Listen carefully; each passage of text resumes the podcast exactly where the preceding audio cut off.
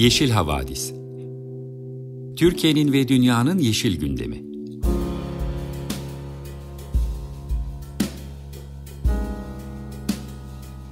Hazırlayan ve sunanlar Demet Yaman Er, Savaş Çömlek, Dilan Altın Makas, Sare Abit ve Tansu Yeşilkır.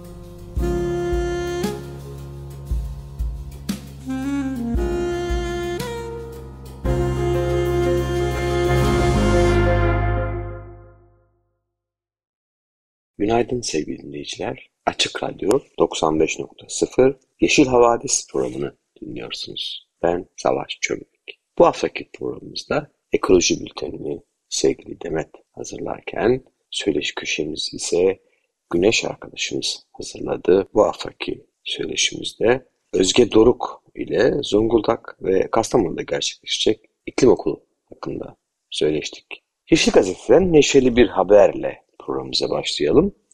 Nisan ayında hangi sebze ve meyveler tüketilmeli? Bildiğiniz gibi Nisan ayı geldi. İlk hafta sonunu yaşıyoruz. Doğa uyanıyor. Mevsimde beslenmek hem doğa hem de sağlığımız için önemli. İşte Nisan ayında tercih edebileceğiniz meyve ve sebzeler. Hormon takviyesi, pestisitler ve doğal olmayan üretim tekniklerinin kullanılmasıyla sebze ve meyvelere neredeyse her mevsim market raflarında ulaşılabiliyor. Ancak besinleri mevsimde tüketmek hem doğa hem de sağlığımız için çok kıymetli. Mevsim meyve ve sebzeleriyle beslenmek, doğayı ve doğal alanı korumak, zehirsiz gıdalar tüketmek, karbon ayak izini düşürmek için atabileceğimiz küçük ama etkili bir adım. Yeşil Düşünce Derneği tarafından hazırlanan takvim hangi mevsimde neleri yememiz gerektiğini hatırlatıyor. Nisan'la beraber kırlardan gelen taze otlar, yeşillikler ve mantarlar sofralardaki yerlerini alacaklar.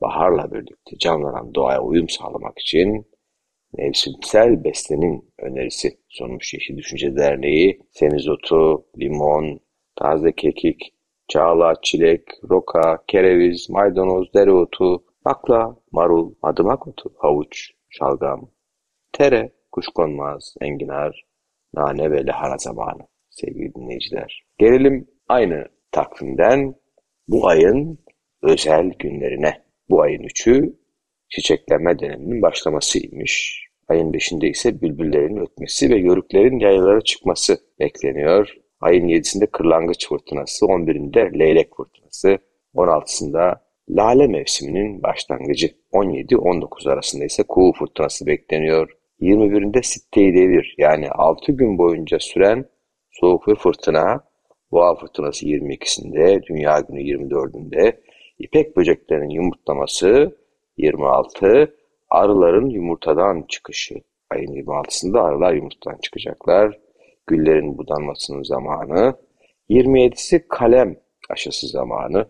29'unda ise serçilerin yavrulama dönemi Dünya Dans Günü ile birlikte 30'unda da Lale fırtınasını bekliyoruz.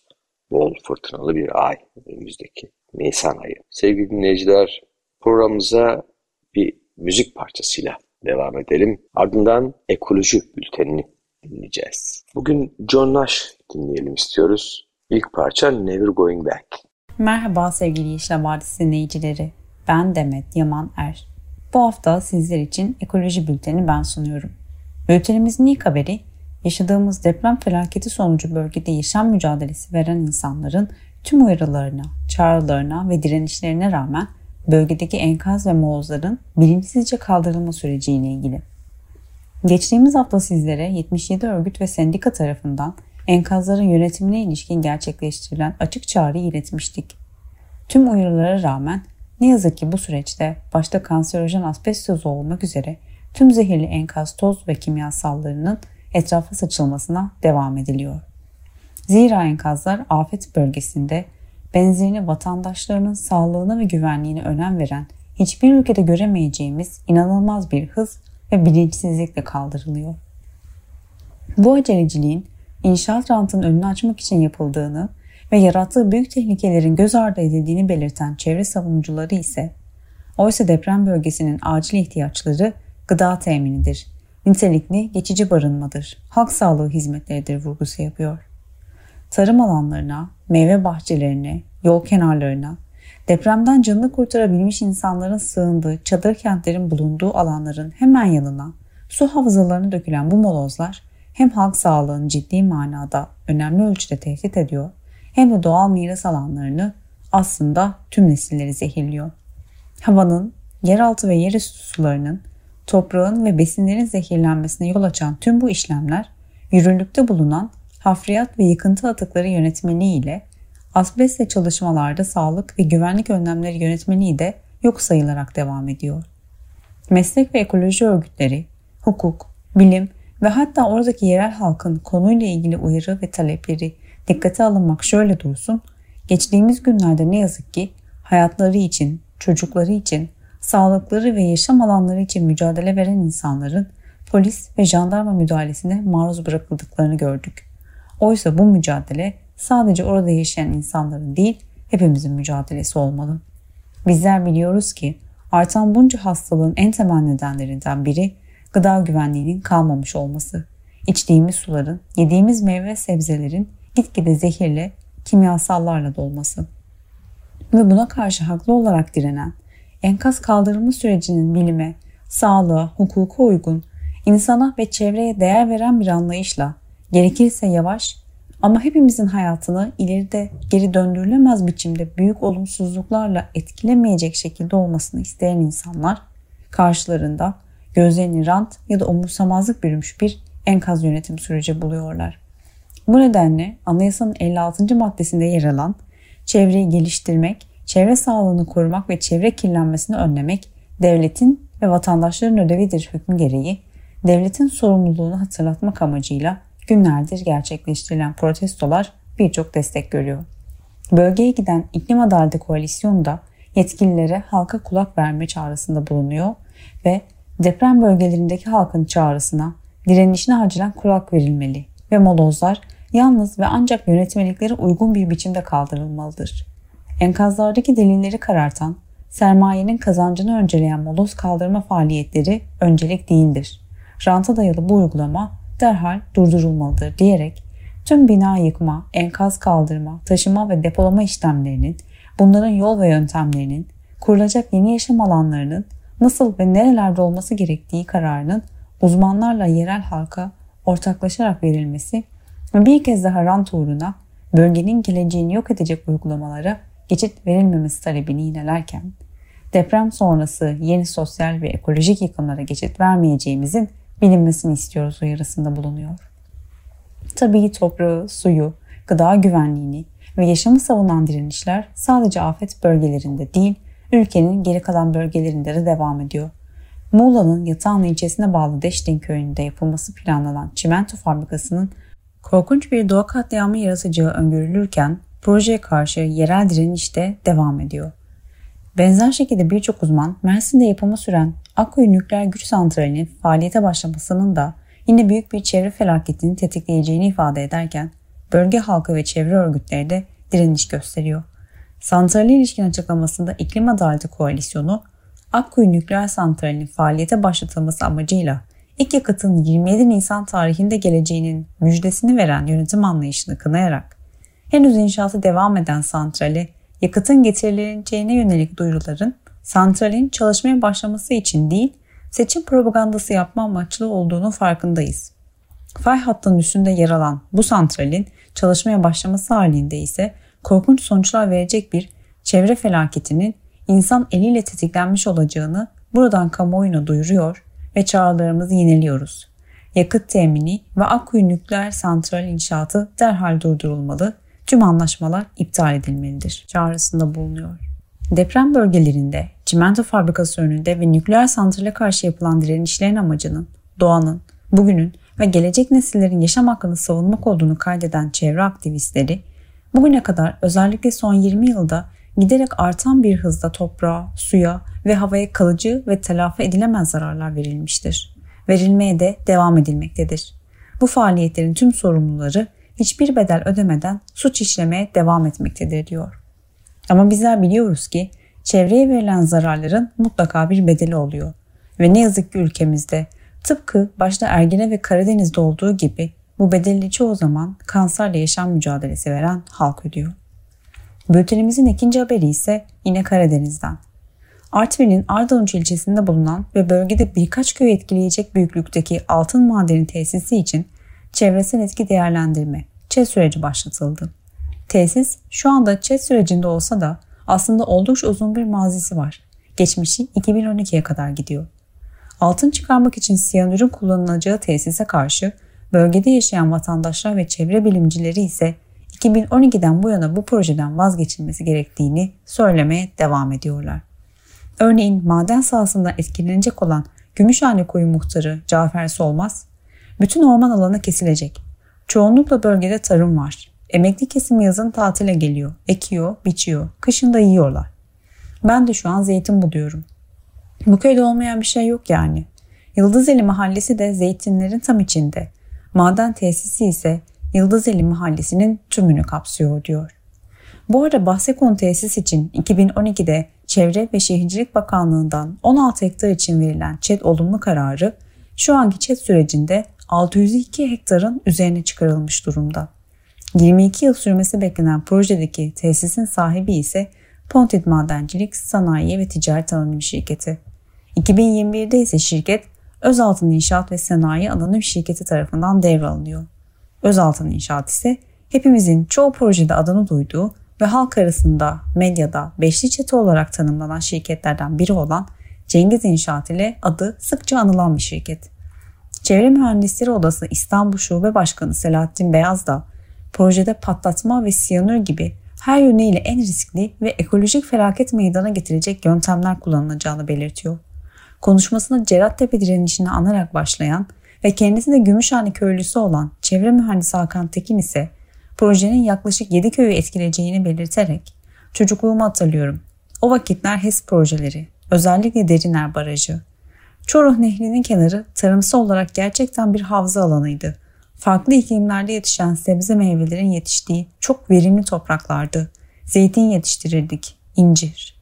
Bunlar zaten hepsi HES'lerin altında kaldı. Bir tarafımız HES olmuş. Şimdi %71'imizde maden ruhsatlı diyor. Kamu yararı denilip durulmasına rağmen buradaki yarar sorulduğunda ise Tekin, eylemsizlik alternatifi denilen kısımlar vardır ÇED başvuru dosyalarında. Eylemsizlik alternatifi şudur. Ben bu projeyi yapmazsam ne olur sorusunun yanıtıdır. Burada bölgede hayvancılık ve tarım yapılmaya devam eder deniyor. Teşekkür ediyoruz yani bu eylemsizlik alternatiflerini kullanabilirler. İki buçuk yıllık, geçici, güvencesiz koşullar mı kamu yararı içerir? Yoksa buna karşılık yüzyıllardır orada yapılan hayvancılık, tarım politikasının güçlendirilerek arazinin o şekilde kalıp korunması mı daha kamu yararıdır? Kesinlikle bu şekilde kalması daha kamu yararınadır. Eylemsizlik alternatifinde belirttikleri gibi projeden vazgeçebilirler. Projeden vazgeçilmelidir diyor. Ve projeye onay verilmesi durumunda konunun TMOB ve Çevre Mühendisleri Odası olarak takiplisi olacaklarını belirterek yaşam ve hak savunucularını 11 Nisan'da Gümüşhane Köyü'nde yapılacak olan ÇED sürecine ilişkin halkın katılım toplantısına davet ediyor. Bültenimizin üçüncü haberi ise kural tanımamazlığın ve geleceği hiç düşünmeden kısa vadeli büyük çıkarlar peşinde hareket etmenin ne yazık ki kurumsallaştığı ülkemizde bu anlayışın her yerde görülüyor olması ile ilgili.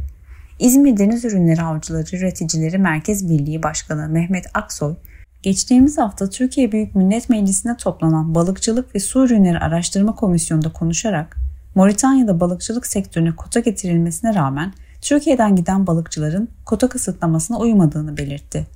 Konuşmasına yoksul Afrika ülkesinde yeterli balıkçı teknesi ve tutulan balığı işleyecek fabrikada bulunmuyor. Bu nedenle de bu ülkedeki balıkçılık sektöründe iş yapan Türkiye'li firmaların yıllık kazancı milyon dolarlarla ölçülüyor diyerek devam eden Aksoy, sürdürülebilir balıkçılık yapılması gerektiğini, aksi takdirde bu mesleğin sona erebileceğini belirterek son reisler olabiliriz ifadesini kullanıyor. Bir sonraki haberimize geçmeden ise yine doğada yarattığımız bir başka kayıptan söz edelim. Kuzeydoğu Derneği ile Doğa Koruma ve Milli Parklar Müdürlüğü'nün Kars'ın Sarıkamış ilçesinde yürüttüğü Büyük Memeliler İzleme Projesi kapsamında bir süre önce yakalanan 7 kurda uydu vericisi takılmış. Kuzeydoğu Derneği Başkanı Utah ve Koç Üniversiteleri öğretim üyesi Profesör Doktor Çağan Şekercioğlu, kurtların doğal yaşam alanlarındaki en büyük sorunun ideal besinleri olan geyik, karaca, yaban domuzu gibi yabani memelilerin insanlarca öldürülmesi olduğunu belirtirken, artan insan nüfusu ve yerleşim yerlerinin genişlemesiyle de hali hazırda besin kaynakları tükenmekte olan kurtlarla insanların daha sık karşı karşı gelmeye başladığını ve aslında insana herhangi bir saldırı davranışı bulunmayan kurtların yine de ateşli silahlarla öldürülme olanlarının oldukça arttığını söylüyor. Öyle ki her yıl takip edilen kurtların çoğunun bir yıl içerisinde öldürüldüğünü tahmin ediliyor. Sayın Şekercioğlu bu korkunç bir oran. Normalde bir kurdun doğada ortalama yaşam süresi 6 ila 8 yıl. 14 yıla kadar yaşayan kurtlar var. Fakat karşısında takip ettiğimiz kurtların çoğu insanlar tarafından öldürüldüğünden ortalama yaşam süreleri maalesef 1 ila 2 yıl. Kurtların ölüm olanları çok yüksek ve ömürleri çok kısa diyerek bu vahim durumu ortaya koyarken Kuzeydoğu Derneği Bilim Koordinatörü Emrah Çoban ise bugüne kadar uydu verici cihaz ile izledikleri kurtlar arasında birçok ölüm gerçekleştiğini yineleyerek insanlarımız tasmalı ya da tasmasız kurt gördüğünde ateş etmek yerine fotoğraf çekmeyi tercih etsin. Çünkü kurtlar durup dururken insanlara saldırmaz. Böyle bir vaka yok. Çobanlarımız da kendilerini savunma amaçlı silah kullanmak yerine iyi sürü köpekleri beslemeyi tercih ederek daha dikkatli olsunlar çağrısında bulunuyor. Umarız doğanın kendine özgü, güçlü ancak bir o kadar da hassas bir dengesi olduğunu hep birlikte hatırlar ve ileride bize daha fazla ağır sonuçlar doğuracak kayıplara yol açmaktan kaçınırız. Bültenimizin dördüncü haberi ise Atatürk Havalimanı ile ilgili. İstanbul Büyükşehir Belediyesi'nin Çevre ve Şehircilik Bakanlığı'nın kapatılan Atatürk Havalimanı'nı millet bahçesine dönüştüren imar planlarına karşı açtığı davada bilirkişi raporu dosyayı sunuldu. Davanın görüldüğü İstanbul 11. İdare Mahkemesi'ne sunulan raporda Atatürk Havalimanı ile ilgili imar planları için şehircilik ilkelerine, yerleşmenin gelecekteki ihtiyaçlara ve planlama tekniklerine uygun olmadığı, kamu yararının gözetilmediği tespit edilmiştir denildi. Hatırlayacağımız üzere bakanlığın 2022'deki imar planı değişikliğiyle 877 hektarlık havalimanı alanının 500 hektarı millet bahçesi ve kentsel, bölgesel, sosyal altyapı alanı olarak düzenlenmiş, plan ile havalimanı arazisine spor kulüpleri, müzeler, sergi alanları, fuar, bilim merkezleri, sağlık birimleri ve cami inşaatının da önü açılmıştı. Planlara itiraz eden İstanbul Büyükşehir Belediye Başkanlığı da bakanlığa karşı söz konusu planların iptali için dava açmıştı. Mahkemeye sunulan raporda Atatürk Havalimanı'nın deprem gibi afet durumlarda üstleneceği rolün önemine de dikkat çekilirken ayrıca raporda açıkça havalimanının mevcut durumda işlevsiz hale geldiğine işaret edilen kuzey-güney doğrultulu pistlerin güney ucunda COVID-19 salgını sırasında prefabrik yapıya sahip bir hastane yapısı inşa edilmiş olsa dahi işler hale getirilmesiyle elde edilecek kazanç ve kamu yararını başka bir kullanıma ayrılması ile elde edilecek kamu yararından daha fazla olacağı vurgulanıyor. Ki hatırlayacaksınız belki en basitinden geçtiğimiz yıl bizzat bakanların kendileri de olumsuz hava koşulunda İstanbul Havalimanı kullanılamaz hale geldiği için rant için kullanıma kapatılan Atatürk Havalimanı'na inmişlerdi. Son olarak bakanlığın millet bahçesi ile yeşil alan yaratılacağı ve iklim değişikliği uyumlanması savunmasına yönelik olarak ise Kentin kuzeyinde yer alan yaklaşık 3500 hektarlık orman ve yeşil örtü alanın yeni İstanbul Havalimanı için gelişmeye açılırken dava konusu plan değişikliğiyle 500 hektarlık millet bahçesi önerildiği hatırlatılarak bu nedenle SAP dava konusu plan değişikliğinde önerilen 500 hektarlık bir yeşil alan önerisiyle iklim değişikliğine uyumun hedeflendiği gerekçesinin yeterli analitik değerlendirmeye dayanmadığı ve gerçekçi olmadığı düşünülmektedir ifadelerine yer veriliyor. Bültenimizin son haberi ise depremin ağır bir yıkım ve kayba yol açtığı Hatay'da petrokimya tesisi inşa edilmesine yönelik Türkiye Varlık Fonu projesine onay verilmesiyle ilgili. Sayıştay'ın denetleyemediği ve Cumhurbaşkanı Recep Tayyip Erdoğan'ın başkanlığını yaptığı Türkiye Varlık Fonu 2020'de Türkiye Varlık Fonu Rafineri ve Petrokimya ismi bir şirket kurmuştu. Ve şirket Hatay'da Doğu Akdeniz Petrokimya Tesisi inşa etmek için 17 Temmuz 2022'de Çevre, Şehircilik ve İklim Değişikliği Bakanlığı'na çevresel etki değerlendirmesi başvurusu yapmıştı.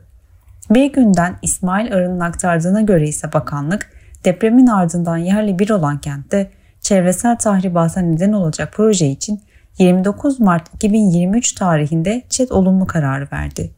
Bakanlığın bir sakınca görmediği ve tesis için 118 milyar lira harcanması öngörülen proje Hatay'ın kimi bölgelerinde yer alan birinci sınıf tarım arazili üzerine inşa edilecek. Hatay'ın dört yol ve Erzin ilçeleri arasında yer alan ve özel kumru toprağıyla endemik türlere ev sahipliği yapan alanda dahil olmak üzere tarım arazilerinin ve canlıların yaşam alanları ne yazık ki yok edilecek. Toplam 9 milyon ton üretim kapasitesine sahip olacak tesisin 78 ayda tamamlanması öngörülürken işletme süresi ise 49 yıl. Çevre katliamına neden olacak olan projeyi yapacak olan Türkiye Varlık Fonu Rafineri ve Petrokimya Şirketi'nin yönetim kurulu başkanlığını ise Cumhurbaşkanı Recep Tayyip Erdoğan'ın oğlu Bilal Erdoğan'ın Kartal İmam Hatip Lisesi'nden arkadaşı olan ve aynı zamanda Türkiye Varlık Fonu Genel Müdürü ve Yönetim Kurulu üyesi Salim Arda Ermut yapıyor. Şirketin yönetim kurulu başkan vekilliği görevini ise Cumhurbaşkanı Erdoğan'ın damadı eski Hazine ve Maliye Bakanı Berat Albayrak'ın danışmanı Ömer Demirhan yürütürken ÇED raporunu hazırlayan firma Kanal İstanbul projesinin de raporuna imza atan Çınar Mühendislik Müşavirlik Anonim Şirketi. Evet arkadaşlar tanıdıklar arasındaki bu alışveriş bekleye dursun. Biz çevreye, ekolojiye dair bu ağır gündemin ardından güzel günlerin geleceğine dair olan inancımız ve mücadelemiz hiç sönmesin diye şimdi Johnny Nash'ten I Can See Clearly Now şarkısıyla bültenimize veda ediyoruz. İyi pazarlar dilerim. Tekrar günaydın sevgili dinleyiciler. Bu haftaki iklim bülteninde Yeşil Gazete'de tanıtımı yapılan bir kitaptan söz edeceğiz. Endişelisine iklim hareketine giriş kitabı. İklim kriziyle ilgili oldukça yaygın bir karamsarlık olması tabii ki şaşırtıcı değil. Küresel ısınma için hedeflenen 1,5 derecelik üst limitin önümüzdeki 10 yılda aşılabileceğini biliyoruz. Özellikle son IPCC raporundan sonra durumun iç karartıcı olduğu gerçeğini göz ardı edemeyiz. İklim kaynaklı felaketler artıyor. Geçtiğimiz yaz Avrupa'da yaşanan sıcak dalgaları, Pakistan'daki yıkıcı seller ve Afrika boynuzunda milyonları etkilemeye devam eden kuraklık. Bunlardan sadece birkaç. Buna rağmen bilim insanları harekete geçmek için geç olmadığı konusunda oldukça net. Feminizm, çevre, politik, mekan ve sanat gibi birçok konuda yazan yazar Rebecca Solney ve dijital hikaye anlatıcısı Thelma Young, Lutuna Tabua çok geç değil iklim hikayesini umutsuzluktan olasılığa dönüştürmek başlıklı yeni bir deneme kitabının editörlüğünü yapmışlar. Kitap High Market Books tarafından yayınlanmış. Solney, insanlar her şeyi kazanamazsan her şeyi kaybedersin sanıyorlar. Çok geç olduğunu düşünüyorlar. Kimsenin umursamadığını, kimsenin bir şey yapmadığını düşünüyorlar. Oysa insanların iklim değişikliğinin gerçekleri ve bu konuda neler yapabileceğimiz hakkında doğru bilgilere ihtiyacı olduğuna gerçekten inanıyoruz demiş. Dünyanın dört bir yanından iklim aktivistleri, bilim insanları, iletişimciler bir araya getiren bir koleksiyon dünyanın karşı karşıya olduğu ekolojik kriz nedeniyle endişe duyan ama bu konuda ne yapacağını bilmeyenlere destek olmak için bir başlangıç seti olarak tasarlanmış bu kitap. Sırasıyla Solney ve Jung, Lutuna Tabua tarafından kaleme alınan zor, imkansız demek değildir. Ve hiçbir şey kaçınılmaz değildir başlıklı iki makaleyle başlıyor kitap. Fosil yakıtları kullanmamaktan uyum ve hafifletmeye kadar birçok mevcut çözümün yanı sıra iklim krizine karşı tutumumuzu yeniden düşünmelerine yardımcı olacak çerçeveleri ve şimdi harekete geçildiğinde geleceğin nasıl görünebileceğini okuyuculara sunuyorlar. Umut Fikri kitabın önemli temalarından birisini oluşturuyor. The Solutions Project'in iletişim stratejisti Young Lutuna Tabua, Umut her şeyin yoluna gireceğinin garantisi değil diye konuşuyor. Umut, hareket alanı olduğunun, geleceğin belirsiz olduğunun ve bu belirsizlik içinde adım atıp istediğimiz geleceği yaratabileceğimiz bir alana sahip olduğumuzun farkına varmak demek diye tarif etmiş. Biraz sabretmemiz lazım demişler. ellerinizi havaya kaldırıp iklimin çok büyük bir sorun olduğunu söylemek, ne yapacağımı bilmiyorum demek çok kolay. Ama insanlara, diğer insanlara birlik olduğunuzda güce sahip olabileceğinizi gösteren örnekler vermek istiyoruz demişler. Pasif değil, aktif bir tutum vaat ediyor kitap. Kitapta yer alan denemeler gerek iklim hareketinde derin ve aktif rol oynayan, gerekse tamamen yeni başlayanlar için, gelecek için umut vaat ediyor. Üstelik pasif değil, aktif türden bir umut. Kitabın sonunda Solney ana mesajını aktarıyor. Tüm gücünle savaş ve asla pes etme. Sevgili dinleyiciler, yine John Nash dinleyerek iklim bültenini sonlandıralım. Then Can You Tell Me Goodbye? 1964 yılından bir kayıt.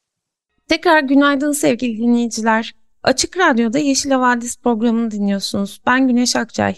Bugünkü programımızda Yeşil Düşünce Derneği Proje Koordinatörü Özge Duru'yu ağırlıyoruz. Hoş geldin Özge. Merhabalar, hoş buldum. Bugün seninle kimseyi arkada bırakmadan Batı Karadeniz'de iklim hareketinin güçlendirilmesi projesi ve proje kapsamında gerçekleşecek iklim okulu hakkında konuşalım istedik.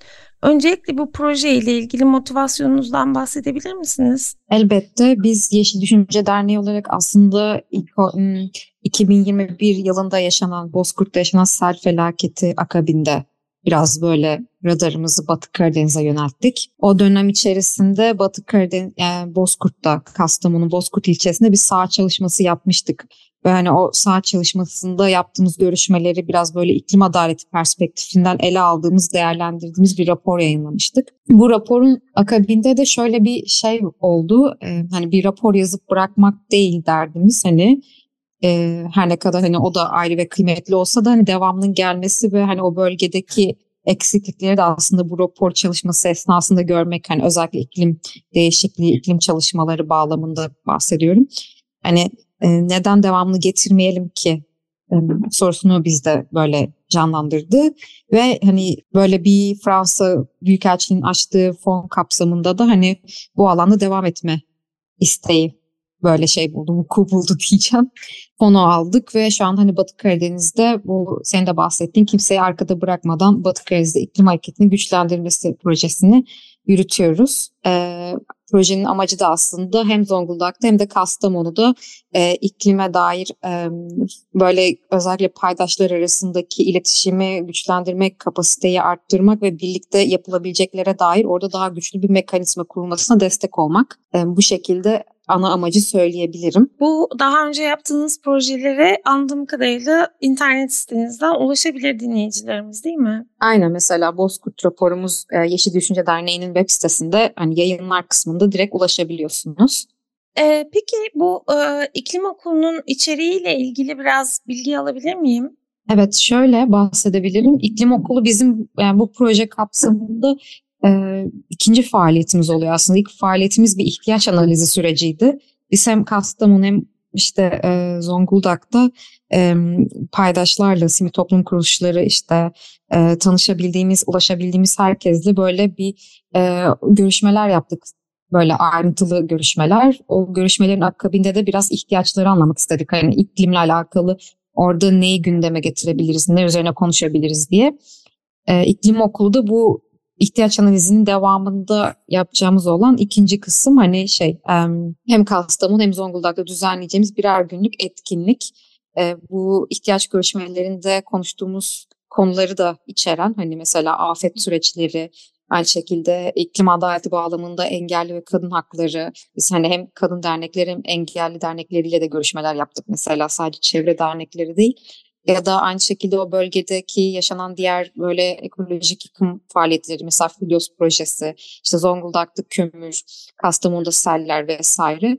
E, bu okulun içeriği de aslında bu olayları yani somut olarak somut, somut olayları e, derleyip toparlayıp konuşabileceğimiz bir paket öyle söyleyebilirim genel itibariyle de hani yerel yeri, yereli bilen insanları, o yerelde çalışmalar yürüten insanları davet ettik. Mesela Erdoğan 60 var Bartın Üniversitesi'nden. Batı Karadeniz'deki ormansızlaşma sürecini ondan dinleyeceğiz mesela iklim değişikliği bağlamında.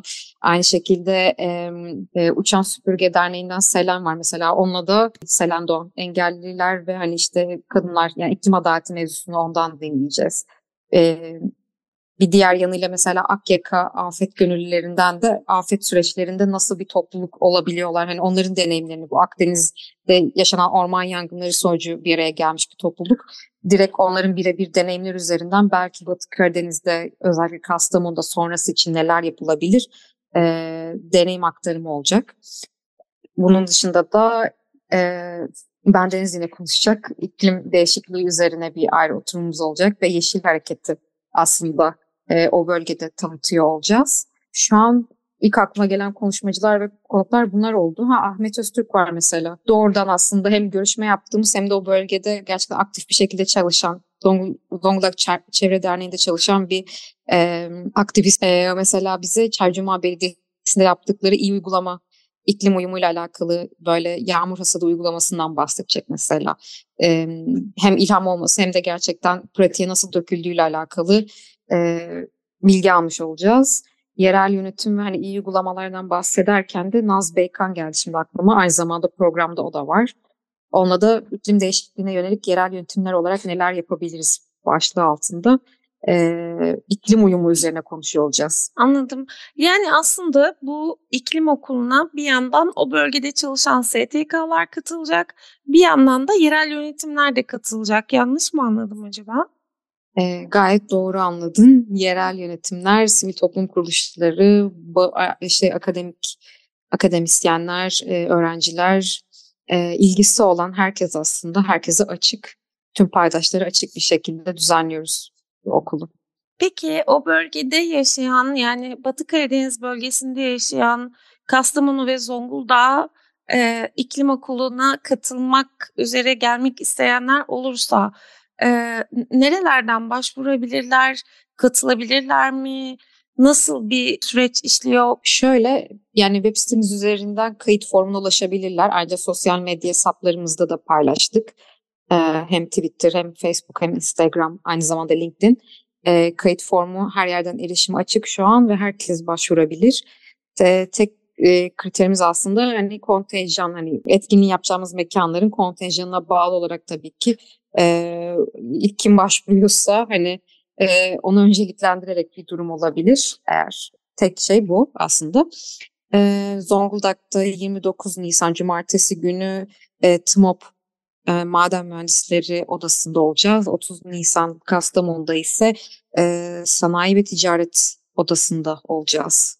10 ve 18 saat aralığında. Web sitenizi birazcık incelediğimde şey görüyorum. Aslında birazcık paydaşları bir araya getirip daha sonrasında neler yapabileceğinizi araştırdığınız bir okul olacak bu aynı zamanda.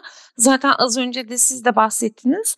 Ee, ne tür çıktılar olmasını bekliyorsunuz? Daha sonra bu çıktılarla proje kapsamında başka işler yapmayı planlıyor musunuz? Bunlardan da bahsetmek ister misiniz? Elbette. Şöyle bir sonraki adımımız mesela şey olacak, e, bu forum olacak. Bu biraz daha böyle e, tasarlanmış ve hani e, bir konsept içerik ama forum biraz daha açık ve daha geniş katılımlı olmasını ve daha fazla konunun hani daha biraz daha e, herkesin aklındakileri döktüğü daha kapsamlı bir etkinlik olmasını istiyoruz. Hem de Zonguldak ve Kastamonu'yu birleştiren bir yerden hani her iki şehirden de katılımcıları aynı yerde online olarak online formda bir araya getirme niyetimiz var. E, şöyle e, ya bu projenin niyetlendiği şey hani Batı Karadeniz gibi aslında iklim değişikliğinden oldukça yoğun bir şekilde etkilenen bir bölgede bu konuların aslında daha sık gündeme getirilmesiyle alakalı bir altyapı oluşturabilmek. Ee, İstanbul, Marmara bölgesi, Ege bölgesi, e, aynı zamanda çok sorunlu bölgeler ama aynı şekilde buna oranladı e, yoğun muhalefeti de ve hani ekoloji hareketini de e, iyi bir şekilde gördüğümüz yerler hani insanların e, bu konuda daha sistemli ve örgütlü olduklarını görebiliyoruz. Keza Doğu Karadeniz aynı şekilde Artvin'deki işte Rize'deki bu HES'lere karşı olan mücadeleler ya da ma- madenlere karşı olan mücadeleler olsun. E, ama Batı Karadeniz çok e, böyle kaderine terk edilmiş bir bölge gibi ve e, ilk olarak istediğimiz şey aslında o bölgede bir şeyler yapmaya çalışan insanların halihazırda zaten bir araya geliyorlar ama biz bunu daha da hani güçlenmesi için katkı sunmak aslında. Tam da proje başında belirttiğimiz gibi hani onları bir tık daha böyle e, kaynaşmalarına ve hani sistemli hareket etmelerine vesile olmak elimizdeki böyle araçlarla. Anlıyorum. Ee, aslında biraz da iklim adaletinden bahsetmişken kısaca e, adil dönüşüm kavramından da bahsediyoruz. E, forumda aslında bu bahsettiğiniz yerel yönetimler, üniversiteler ve e, belki iş insanları da bir araya gelecekler ve e, oradan da belki bir takım adil dönüşüme güçlendirebilecek işler çıkabilir diye düşünüyor insan. Bu konuda e, daha önce görüşmeler yaparken e, fikir tohumları fark gördünüz mü? Yani geri bildirim aldınız mı hiç? Evet özellikle Zonguldak bağlamında adil dönüşüm çok çok sık sık konuşmaya başladık. Bu iklim okulunda da aslında temenni ettiğimiz şeylerden biri e, bu tartışmaları devam ettirmek ve hatta mümkünse aslında biraz daha somut zemine çekebilmek. Aslında insanları bunun ne kadar mümkün olduğuna dair bir kez de biz bu vurguyu yapabil yapmak istiyoruz. Kastamonu için adil dönüşüm olayıyla alakalı çok esasında hani çok odağı değil. Orası biraz daha bizim afet zeminini böyle ele aldığımız bir yer. Çünkü hani öncelik orada o şekilde. Ama hani Zonguldak aslında sivil toplum ve bu şey özellikle kömürden mütevellit hani ekoloji hareketinin nispeten daha güçlü olduğu bir yer. Kastamonu'dan ziyade. E, o bağlamda oradaki yerel işte mücadele eden insanları ve bunları tanımak da bizim için önemli. E, aslında biraz karşılıklı olacak bu ilişkilenme ve işte ileriye dönük adımlar atma. E, yeni işbirlikleri çıkmaya da oldukça bence açık bir noktadayız şu bu proje süresince. Verdiğiniz bilgiler için çok teşekkür ederiz Özge. Ee, en son projenin çıktılarını da yine web sitenizden göreceğiz diye düşünüyorum. Web sitemiz aynı zamanda sosyal medya hesaplarından da takip edebilirsiniz. Ee, süreci paylaşmaya devam edeceğiz orada. Çok teşekkür ederiz. Güzel günler diliyoruz Özge. Çok teşekkürler Güneş. Sevgili Açık Radyo dinleyicileri, Yeşil Havadis programının bugünkü sonuna gelmiş bulunuyoruz. Söyleşi köşemizin ardından sizlere yine başladığımız gibi John Nash'la veda edeceğiz. Rock Me Baby.